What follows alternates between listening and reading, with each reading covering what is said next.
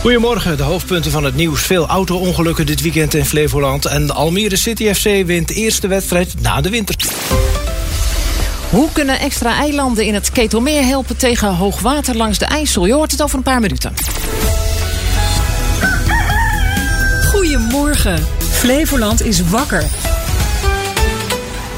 Eilandjes aanleggen in het Ketelmeer en aan de IJsselmeerkant van de Ketelbrug. Dat kan op lange termijn een oplossing zijn voor hoogwater dat Kampen en Zwolle bedreigt. Bert Bijkerk van het waterschap Drentse Overijsselse Delta legt uit hoe het werkt.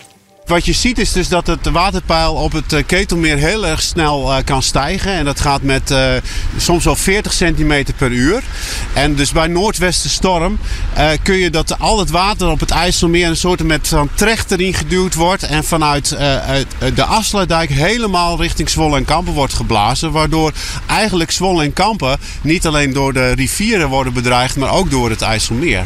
Door een zogenoemde keteldelta aan te leggen, vergelijkbaar met bijvoorbeeld de Biesbos, kan het water worden tegengehouden. Nou, je maakt eigenlijk een heel, heleboel uh, uh, geulen en ondieptes en ook enkele eilanden, waardoor je eigenlijk de instroom vanuit het Ketelmeer richting Zwolle uh, gaat remmen. Maar je zorgt wel dat de IJssel kan blijven afvoeren en de scheepvaart en zo ook kan blijven doorgaan. Het is een ambitieus concept dat ook kansen biedt voor nieuwe natuur. Lilian Hermens van Staatsbosbeheer is er enthousiast over. Het Ketelmeer is nu vrij kaal en dat zou volgens haar anders kunnen. Rietmoeras, uh, ooibossen, uh, geulenpatronen, uh, oevers, eilandjes, dat soort natuur. Door die nieuwe natuur wordt ook de kwaliteit van het water beter en komt er meer leefgebied voor vogels. We zouden op termijn veel meer roerdomp willen, grote karakiet, porseleinhoen. Uh, ja, daar, daar biedt dit gebied allerlei mogelijkheden voor. En daar zouden we nog veel meer areaal voor nodig hebben om daar echt duurzame populaties uh, uh, voor hier te kunnen ontwikkelen. Dat moet wel allemaal in ons Flevolandse Ketelmeer gebeuren. Het gaat om een flink stuk water, volgens Bert Bijkerk. Je kijkt echt van het gebied van tot aan Urk tot en met Kampen. Dat hele gebied bekijk je voor, die, voor die keteldelta. Daarom worden er nu meer partijen bij het plan betrokken. Uh, het Ketelmeer is uh, niet in beheer van uh, Overijssel of het waterschap Drents Overijssel Delta in Zwolle. maar we moeten dit met z'n allen gaan bekijken en onderzoeken. Het plan staat nog in de kinderschoenen, maar Bijkerk is hoopvol dat het in de toekomst te realiseren is. Ja, we zijn het aan het verkennen eigenlijk. Maar we merken wel dat het idee van het maken van een nieuwe delta enorm aanspreekt. En dat was Bert Bijkerk van het waterschap Drents Overijsselse Delta. In Flevoland hebben we al mbo- en hbo-onderwijs. En nu wil Almere ook een universiteit. Achter de schermen wordt hard gewerkt om dat voor elkaar te krijgen. De gemeente weet zeker dat het gaat lukken. Maar waarom moet er een universiteit in Almere komen? En zitten andere universiteiten daar wel op te wachten? Een reportage van Reo van der Weijden de Universiteit Almere. Het klinkt nog onwerkelijk, maar als het aan de gemeente ligt, komt die er toch echt. We willen graag universitair onderwijs en onderzoek, met name op het gebied van techniek. Dat heeft te maken met een aantal dingen. Uh, ons talent nu verdwijnt de stad uit, terwijl we het in de stad heel goed kunnen gebruiken. Maar ook bedrijven die hier zitten hebben behoefte aan talent, maar ook aan kennis, aan opleidingen op alle opleidingsniveaus. Dus die hebben grote behoefte aan uh, mensen die mbo zijn opgeleid, die hbo zijn opgeleid, maar ook aan mensen die universitair zijn opgeleid. Jochem Muurling van de gemeente. Hij is bezig met het naar de stad halen van een universiteit. Want je kan er niet zomaar een beginnen. Er zijn strenge regels. De laatste universiteit die er in Nederland is bijgekomen is die van Maastricht. En die werd in 1976 opgericht. Almere wil geen hele nieuwe universiteit, maar een dependance worden van een huidige. Maar is daar eigenlijk nog wel behoefte aan in het land? Nou, ik denk dat voor een aantal universiteiten dat interessant is, omdat die juist in krimregio's zitten. Dus voor een aantal uh, universiteiten speelt juist dat de puzzel is hoe houden we studenten vast.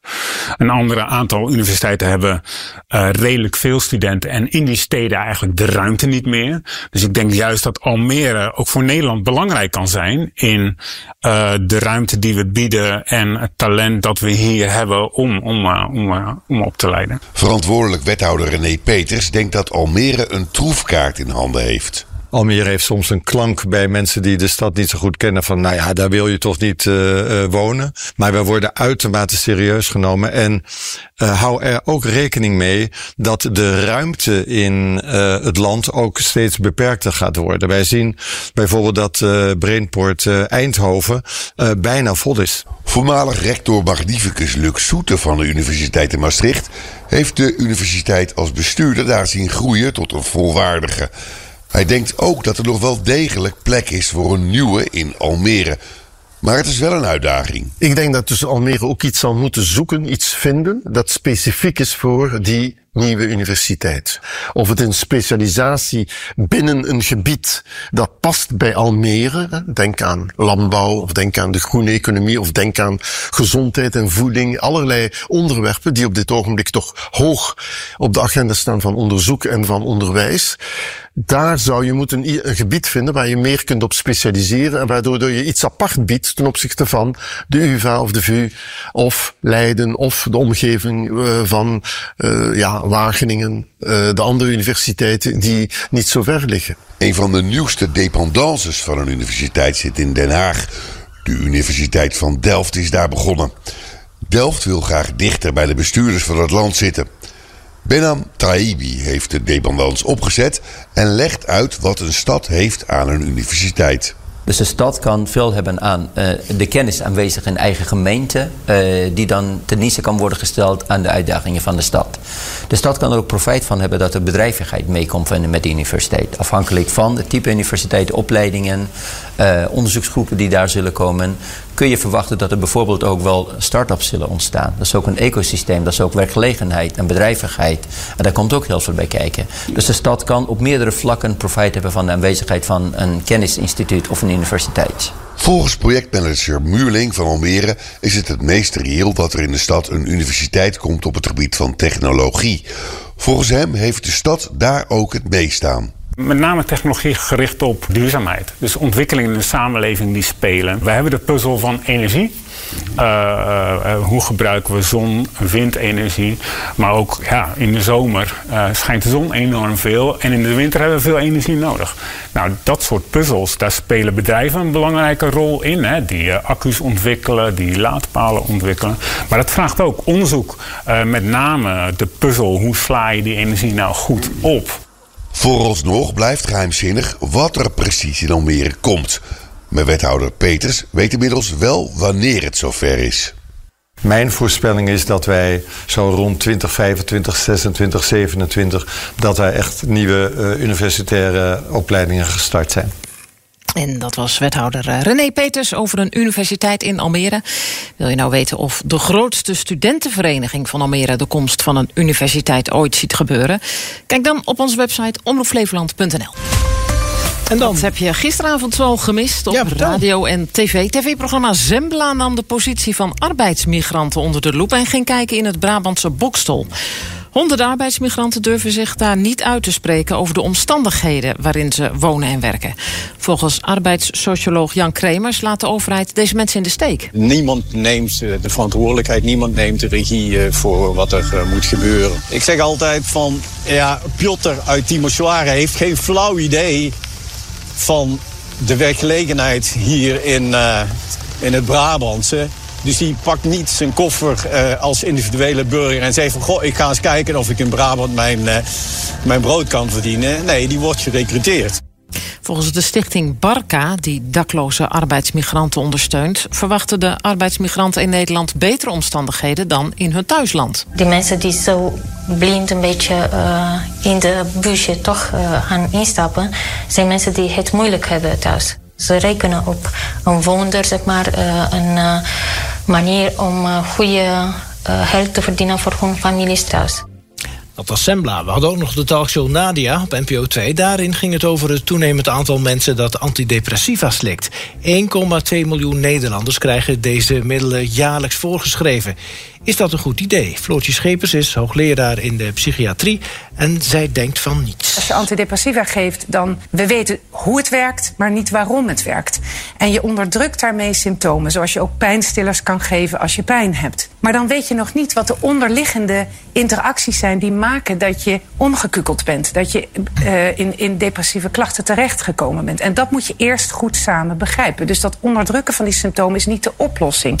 Schepers uh, zei dat in plaats daarvan beter bekeken moet worden waarom er steeds meer mensen met depressieve klachten zijn. Er is iets aan de hand in de samenleving wat maakt dat steeds meer mensen worstelen in die samenleving en daar depressieve klachten van krijgen. Ik denk zeker omdat je ziet dat bij jonge mensen uh, die aantallen nog sterker stijgen dan, uh, dan bij volwassenen, dat dat uh, kanaries in de kolenmijn zijn, zou je kunnen zeggen. Depressie ontstaat door een heel complex samenspel van, van factoren. En uh, de omgeving is daar een hele belangrijke factor in. Fragment uit het programma Nadia gisteren op uh, NPO 2. En uh, het was niet voor niks natuurlijk dat dat onderwerp in dat programma zat. Van vandaag is Blue Monday. Zeker. Dus ja. vandaar dat het onderwerp erin zat. En toch uh, belangrijk om een keer... Hoe voel je je op deze Blue Monday? Ik voel me niet anders dan anders. Oh nee? Nee, ik heb oh. er niet zo'n last van van een bepaalde oh, datum of een uh, gedoetje. Zo. Dat heb je gisteravond gemist op radio en tv. En dan nu, de sportjullie. Uh, ja, dat klopt, want Almere City FC heeft gisteren de eredivisie hervat... met een uh, overwinning op directe concurrent FC Volendam. De ploeg was met 0-1 te sterk in het Vissersdorp. De enige treffer van de wedstrijd viel vroeg in de eerste helft. Ja, die kwam van de voet van de Fransman Thomas Robinet. Verslaggever Martijn de Groot ving na afloop middenvelder Peer Koopmeinders op. Peer Koopmeinders, uh, Jantje Smit schalt uit de box in de kleedkamer. Dat zegt denk ik wel genoeg. Ja, ik ben, uh, ik, uh, ben geen DJ, dus dat uh, laat ik lekker gebeuren. Ik hoor alweer wat anders nu, dus ja, nee. Dus er wordt even muziek opgezet, dat mag wel volgens mij. Wat een heerlijke overwinning en wat een heerlijk begin van het nieuwe jaar voor jullie. Ja, dat. het is het enige wat telt hier voor ons natuurlijk drie punten tegen, tegen een directe concurrent op dit moment. Dus nee, daar zijn we heel blij mee. En dan, dan hoe het uiteindelijk allemaal gebeurt. Ik denk dat we, dat we een goed plan hadden en dat goed hebben uitgevoerd. Maar dat we gewoon met 1-0 weer weglopen is heel lekker. Ja, dik verdiend, denk ik. Ja, wel. Ik bedoel, uh, we wilden hun best een beetje het spel laten maken. Ik denk dat uh, dat was ons plan. En je zag dat dat gewoon goed werkte. Dat zij het snel inleveren de bal. En dat wij daar heel gevaarlijk aan konden worden op de counter een keer. Uh, en ik denk dat je in de eerste helft eigenlijk het al, al moet beslissen. Misschien wel met 2-3 echt grote kansen. Ja, als je dan ietsje comfortabeler kan zitten door 2 of 3-0 te maken. Dan is het wat eerder dood. Maar, maar ik denk wel verdiend uiteindelijk. Was middenvelder Peer Koopmeinders. Door de zegen staat Almere City nu op de 12e plek van de eredivisie. Met 19 punten uit 17 wedstrijden. Gaan we van de profs naar de amateurs. SV Urk heeft de eerste wedstrijd na de winterstop met 1-1 gelijk gespeeld tegen Dem. DEM. In Beverwijk leek het er lang op dat SV Urk zou winnen, maar de ploeg miste precisie. Middenvelder Jan Ras. Ja, nou ja, ja, dat zijn dan de details. Maar uh, ik bedoel, als je zo voor, uh, voor elkaar door het vuur gaat, dan, uh, dan komen de kansen vanzelf en dan ga je jezelf afmaken. Is dat het belangrijkste wat jullie met elkaar hebben afgesproken? Door elkaar, met elkaar door het vuur gaan? Zeker, zeker. Dat is toch ja, de mentaliteit die bij Urk hoort. Voor elke bal strijden. En uh, de 50-50 ballen moeten allemaal voor ons zijn. En ik denk dat wij dat uh, de tweede helft uh, zeker hebben laten zien. Hard werken hoort erbij natuurlijk. Maar ja, de precisie en de, ja, de finishing touch zeg maar, moeten dan nog wel ingeslepen worden. Ja, net wat ik zeg. Kijk, hard werken, dat begint erbij. En ik denk... als je de tweede helft kijkt en als je die doorzet deze seizoen zelf, dan, dan komt het allemaal goed. Jan Ras was dat. De SV Urk staat net boven de degradatiezone in de derde divisie A. Dan nog wielrennen. Baanwielrenster Kimberly Calais heeft zaterdag met een persoonlijk record haar debuut gemaakt bij het Europees kampioenschap baan, baanwielrennen voor elite dames. Almeerse zette na 500 meter een tijd neer van 34 seconden en 843 duizendste. Denk het, ja. Zoiets. En waarom twijfel je? Ja, ik... Omdat het zo snel is? Ja, omdat het ook zo snel is en omdat het zo heel precies wordt gemeten. Ja, maar goed, ze zeker. waren binnen in de baan, dan kan dat, hè? Ja, nou, het was ook bijna een halve seconde sneller dan haar oude record. Ondanks dat dit uh, niet voldoende was om de finale te bereiken... kijkt Calais toch met een voldaan gevoel terug op haar EK-debuut. Ja, heel tevreden. Inderdaad, net niet de finale gaat. Stiekem wel gehoopt. Uh, maar als we realistisch uh, vanaf de voorkant keken, zat dat er ook niet in. Uh, wel een mooie PB kunnen rijden, dus dat is meer dan, meer dan genoeg. Ja want uh, je zat uh, ja, tot de laatste twee ritten toe. Stond je met een half been in de finale. En net in die laatste twee ritten, want je stond lang op de zevende plek. De eerste acht plaatsen zich voor de finale. Ja, had je stille hoop van misschien gaat het toch wel lukken? Ja, zeker. Stille hoop had ik wel. Uh, maar ik wist de meiden die nog kwamen, die rijden normaal wel harder dan mij. Uh, dus ja, het was jammer, maar het was mooi om nu al zo dichtbij te zijn. Een geslaagd debuut dus voor baanwielrenster Kimberly Calais uit Almere. Tot zover de sport van het afgelopen weekend. Het ziet er naar uit dat het nieuwe zwembad van Emmeloord acht banen krijgt... en niet zes, zoals burgemeester en wethouders voorstellen. Een krappe meerderheid van de gemeenteraad van Noordoostpolder wil acht banen. De politieke unie dient hiervoor vanavond een motie in... samen met de VVD en de combinatie ChristenUnie-SGP. Gaan erover praten met Albertine Evers van de politieke unie. Goedemorgen. Goedemorgen. Ja, dat bosbad zoals we dat nu kennen heeft zes banen. Het vorige plan om te verbouwen ging opeens uit van twaalf. Toen werd het complete nieuwbouw, maar toch maar weer zes. En u zegt, nee, we moeten er acht. Waarom acht? Nou, we hebben uh, inderdaad na het lezen van de nieuwe stukken... het is overigens een amendement wat we gaan indienen... omdat het op een raadsvoorstel is waar we dan een uh, wijziging op uh, willen voorstellen... Um, is dat uh, als je kijkt naar het uh, verleden en de aanloop naar al deze plannen voor het uh, nieuwe bosbad, is dat de wensen van alle betrokkenen, die dus gebruik maken van het zwembad, um, meer recht worden gedaan door voor acht banen te kiezen in, in deze fase dan voor zes banen. En daar zullen ook in de vergadering insprekers komen die dat ook nog een keertje weer zullen gaan toelichten. Ja, het is natuurlijk wel duurder, hè? Het is inderdaad wel duurder, maar. Um, als we kijken naar de bezoekersaantallen, uh, die zijn dus uh, door die zes banen in eerste instantie weer omlaag gebracht in de berekeningen. Maar als je weer naar acht banen gaat, dan kun je de, uh, in ieder geval voor de banenzwemmers, maar ook een deel voor de vereniging, de bezoekersaantallen, want die hebben ook ambities ook om hun leden te laten groeien. Dan zouden die inkomsten ook weer omhoog gaan. En dan kunnen we, hè, we hebben even nu een soort grofweg een berekening gemaakt. Binnen 10 tot 20 jaar heb je die kosten ook weer terugverdiend. En het zwembad wordt uh, ja, nieuw gebouwd voor 50 jaar. Dus ik denk dat we die, uh, die investering wel kunnen doen. Oké. Okay. 15 uh, raadsleden die staan achter dit plan. Dat is uw partij, de Politieke Unie. samen met de VVD en ChristenUnie SGP. Ja, 14, 14 partijen hebben dat idee nog niet ondertekend. 15, 14. Hoe loopt dat af vanavond? Nou, dat uh, weet ik uiteraard nog niet precies. Uh, het zal in ieder geval een leuk uh, debat. Wat met name de reden was van andere partijen ook, hè, want die hebben natuurlijk ook even benaderd om te vragen van goh, hoe kijken jullie daar tegenaan? Um, is dat ze nog wat meer informatie wilden afwachten eerst vanavond. En ik denk dat er, nou ja, zoals gevoelsmatig zijn er één of twee andere partijen ook nog wel die ervoor voor voelen in ieder geval. En uh, nou ja, wie weet uh, kunnen we de gehele raad uh, overtuigen. Dat zou natuurlijk helemaal mooi zijn. Maar ehm, ik verwacht dat er nog wel een paar partijen zijn die ook na aanvullende informatie vanuit de vergadering ehm, ook kunnen meegaan in het amendement. Ja, en volledige nieuwbouw? Ja. Dat wordt mooi, hè? Ja, zeker. Het wordt ja, heel mooi, ja. Ja, maar ehm, ja, op, op, op wat voor termijn denkt u dat het allemaal moet gaan lukken? Uh, nou, de tekeningen moeten er natuurlijk allemaal nog uitgewerkt worden. Ik, ik heb, heb, niet exact bij wijze van spreken de datum van, nou dan is het helemaal uh, klaar. Maar je bent zomaar een paar jaar verder vanaf het moment dat je nu alle tekeningen gaat maken. En dan moet je nog aannemers gaan vinden die dat gaan bouwen. Dus uh, die termijn moeten we wel uh, in acht nemen. Oké, voorlopig spreken we nog af in het oude bosbad in Emmeloord. Maar vanavond spreken jullie erover in de gemeenteraad. Dank voor deze vooruitblik. Raadslid Albertine Evers van de Politieke Unie Noordoostpol. En dan de berichten van buiten Flevoland. Ja, ik zei het al, in Amerika is de aftrap van het verkiezingsjaar. Vanavond is de eerste voorverkiezing. De kiezers in Iowa mogen als eerste zeggen... wie bij de Republikeinen hun favoriete presidentskandidaat is. Maar door de zeer lage temperaturen... nou ja, zeg maar gewoon, het is daar echt ijs en ijskoud... is er angst dat veel kiezers thuis zullen blijven. Deze man stond wel in de rij. It's cold, but you're still here today. Yes, I am. Because I want to actually make that difference. Hey, we gotta make a change. Hij kan het verschil maken, zegt hij. Nou, zo is het ook. In deze voorverkiezingen zijn alle ogen gericht op oud-president Donald Trump... die bovenaan staat in de peilingen. Miss me yet? Heb je me gemist? Vraagt u op grote verkiezingsposters, zag ik Ja, op de foto ja, ja. uit Amerika. Leuk hoor. Met nog een maand eh, tot eh, carnaval zijn de voorbereidingen in volle gang. In Nederweert en Limburg worden bijvoorbeeld schminkcursussen volgeboekt. Een moeder en stiefdochter kwamen zelfs helemaal uit Zwaag in Noord-Holland... om daar de cursus te volgen. Het zit in het bloed. Bij ons leeft het ook in Zwaag. Eh Zwaag heeft de grootste optocht boven de rivieren. Dus daar zijn we ook een beetje mee besmet.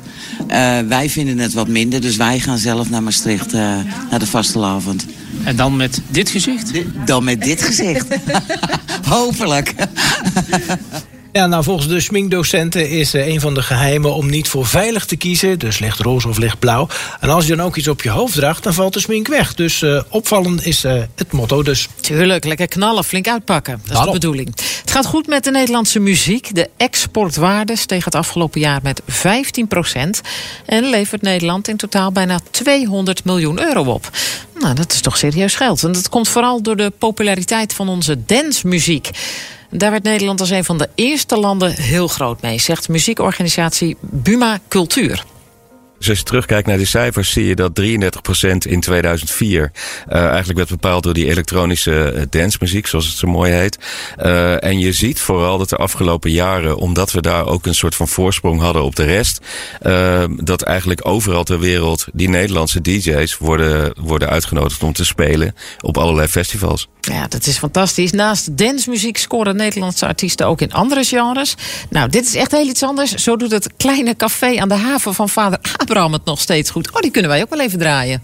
Ik had wat anders gereed staan. Ja, nee, doen we straks, toch? Oké, het kleine café aan de haven. Ja, weet je wat je daar kunt Dat, eten? dat zing jij zo mee. Jazeker. Dat dacht ik. Ja, weet je nog waar je daar kunt eten? Waar je daar kunt eten? Nee, wat je daar kunt oh, eten. Er staat, kunt er staat eten. één gerecht op de menukaart wat je daar kunt eten. Oh, Van, nee. van, van Vader Bram. Ik zou het niet weten. Een hardgekookt ei. Oh. Dat is alles. Oh, meer niet? Nee, de rest is drinken. Oh ja, natuurlijk. Lekker zuipen. En dat waren ze, de berichten van Buiten Flevoland. Welk nummer hoor jij nooit voorbij komen op jouw favoriete radiozender? Dan hoort Omroep Flevoland dat graag. Geef nu jouw favoriete liedje door en maak kans op een onvergetelijke nacht voor twee personen in een hotel aan zee, inclusief diner en ontbijt. Geef jouw muziek nu door via verzoek@omroepflevoland.nl en misschien is die hotelovernachting van jou.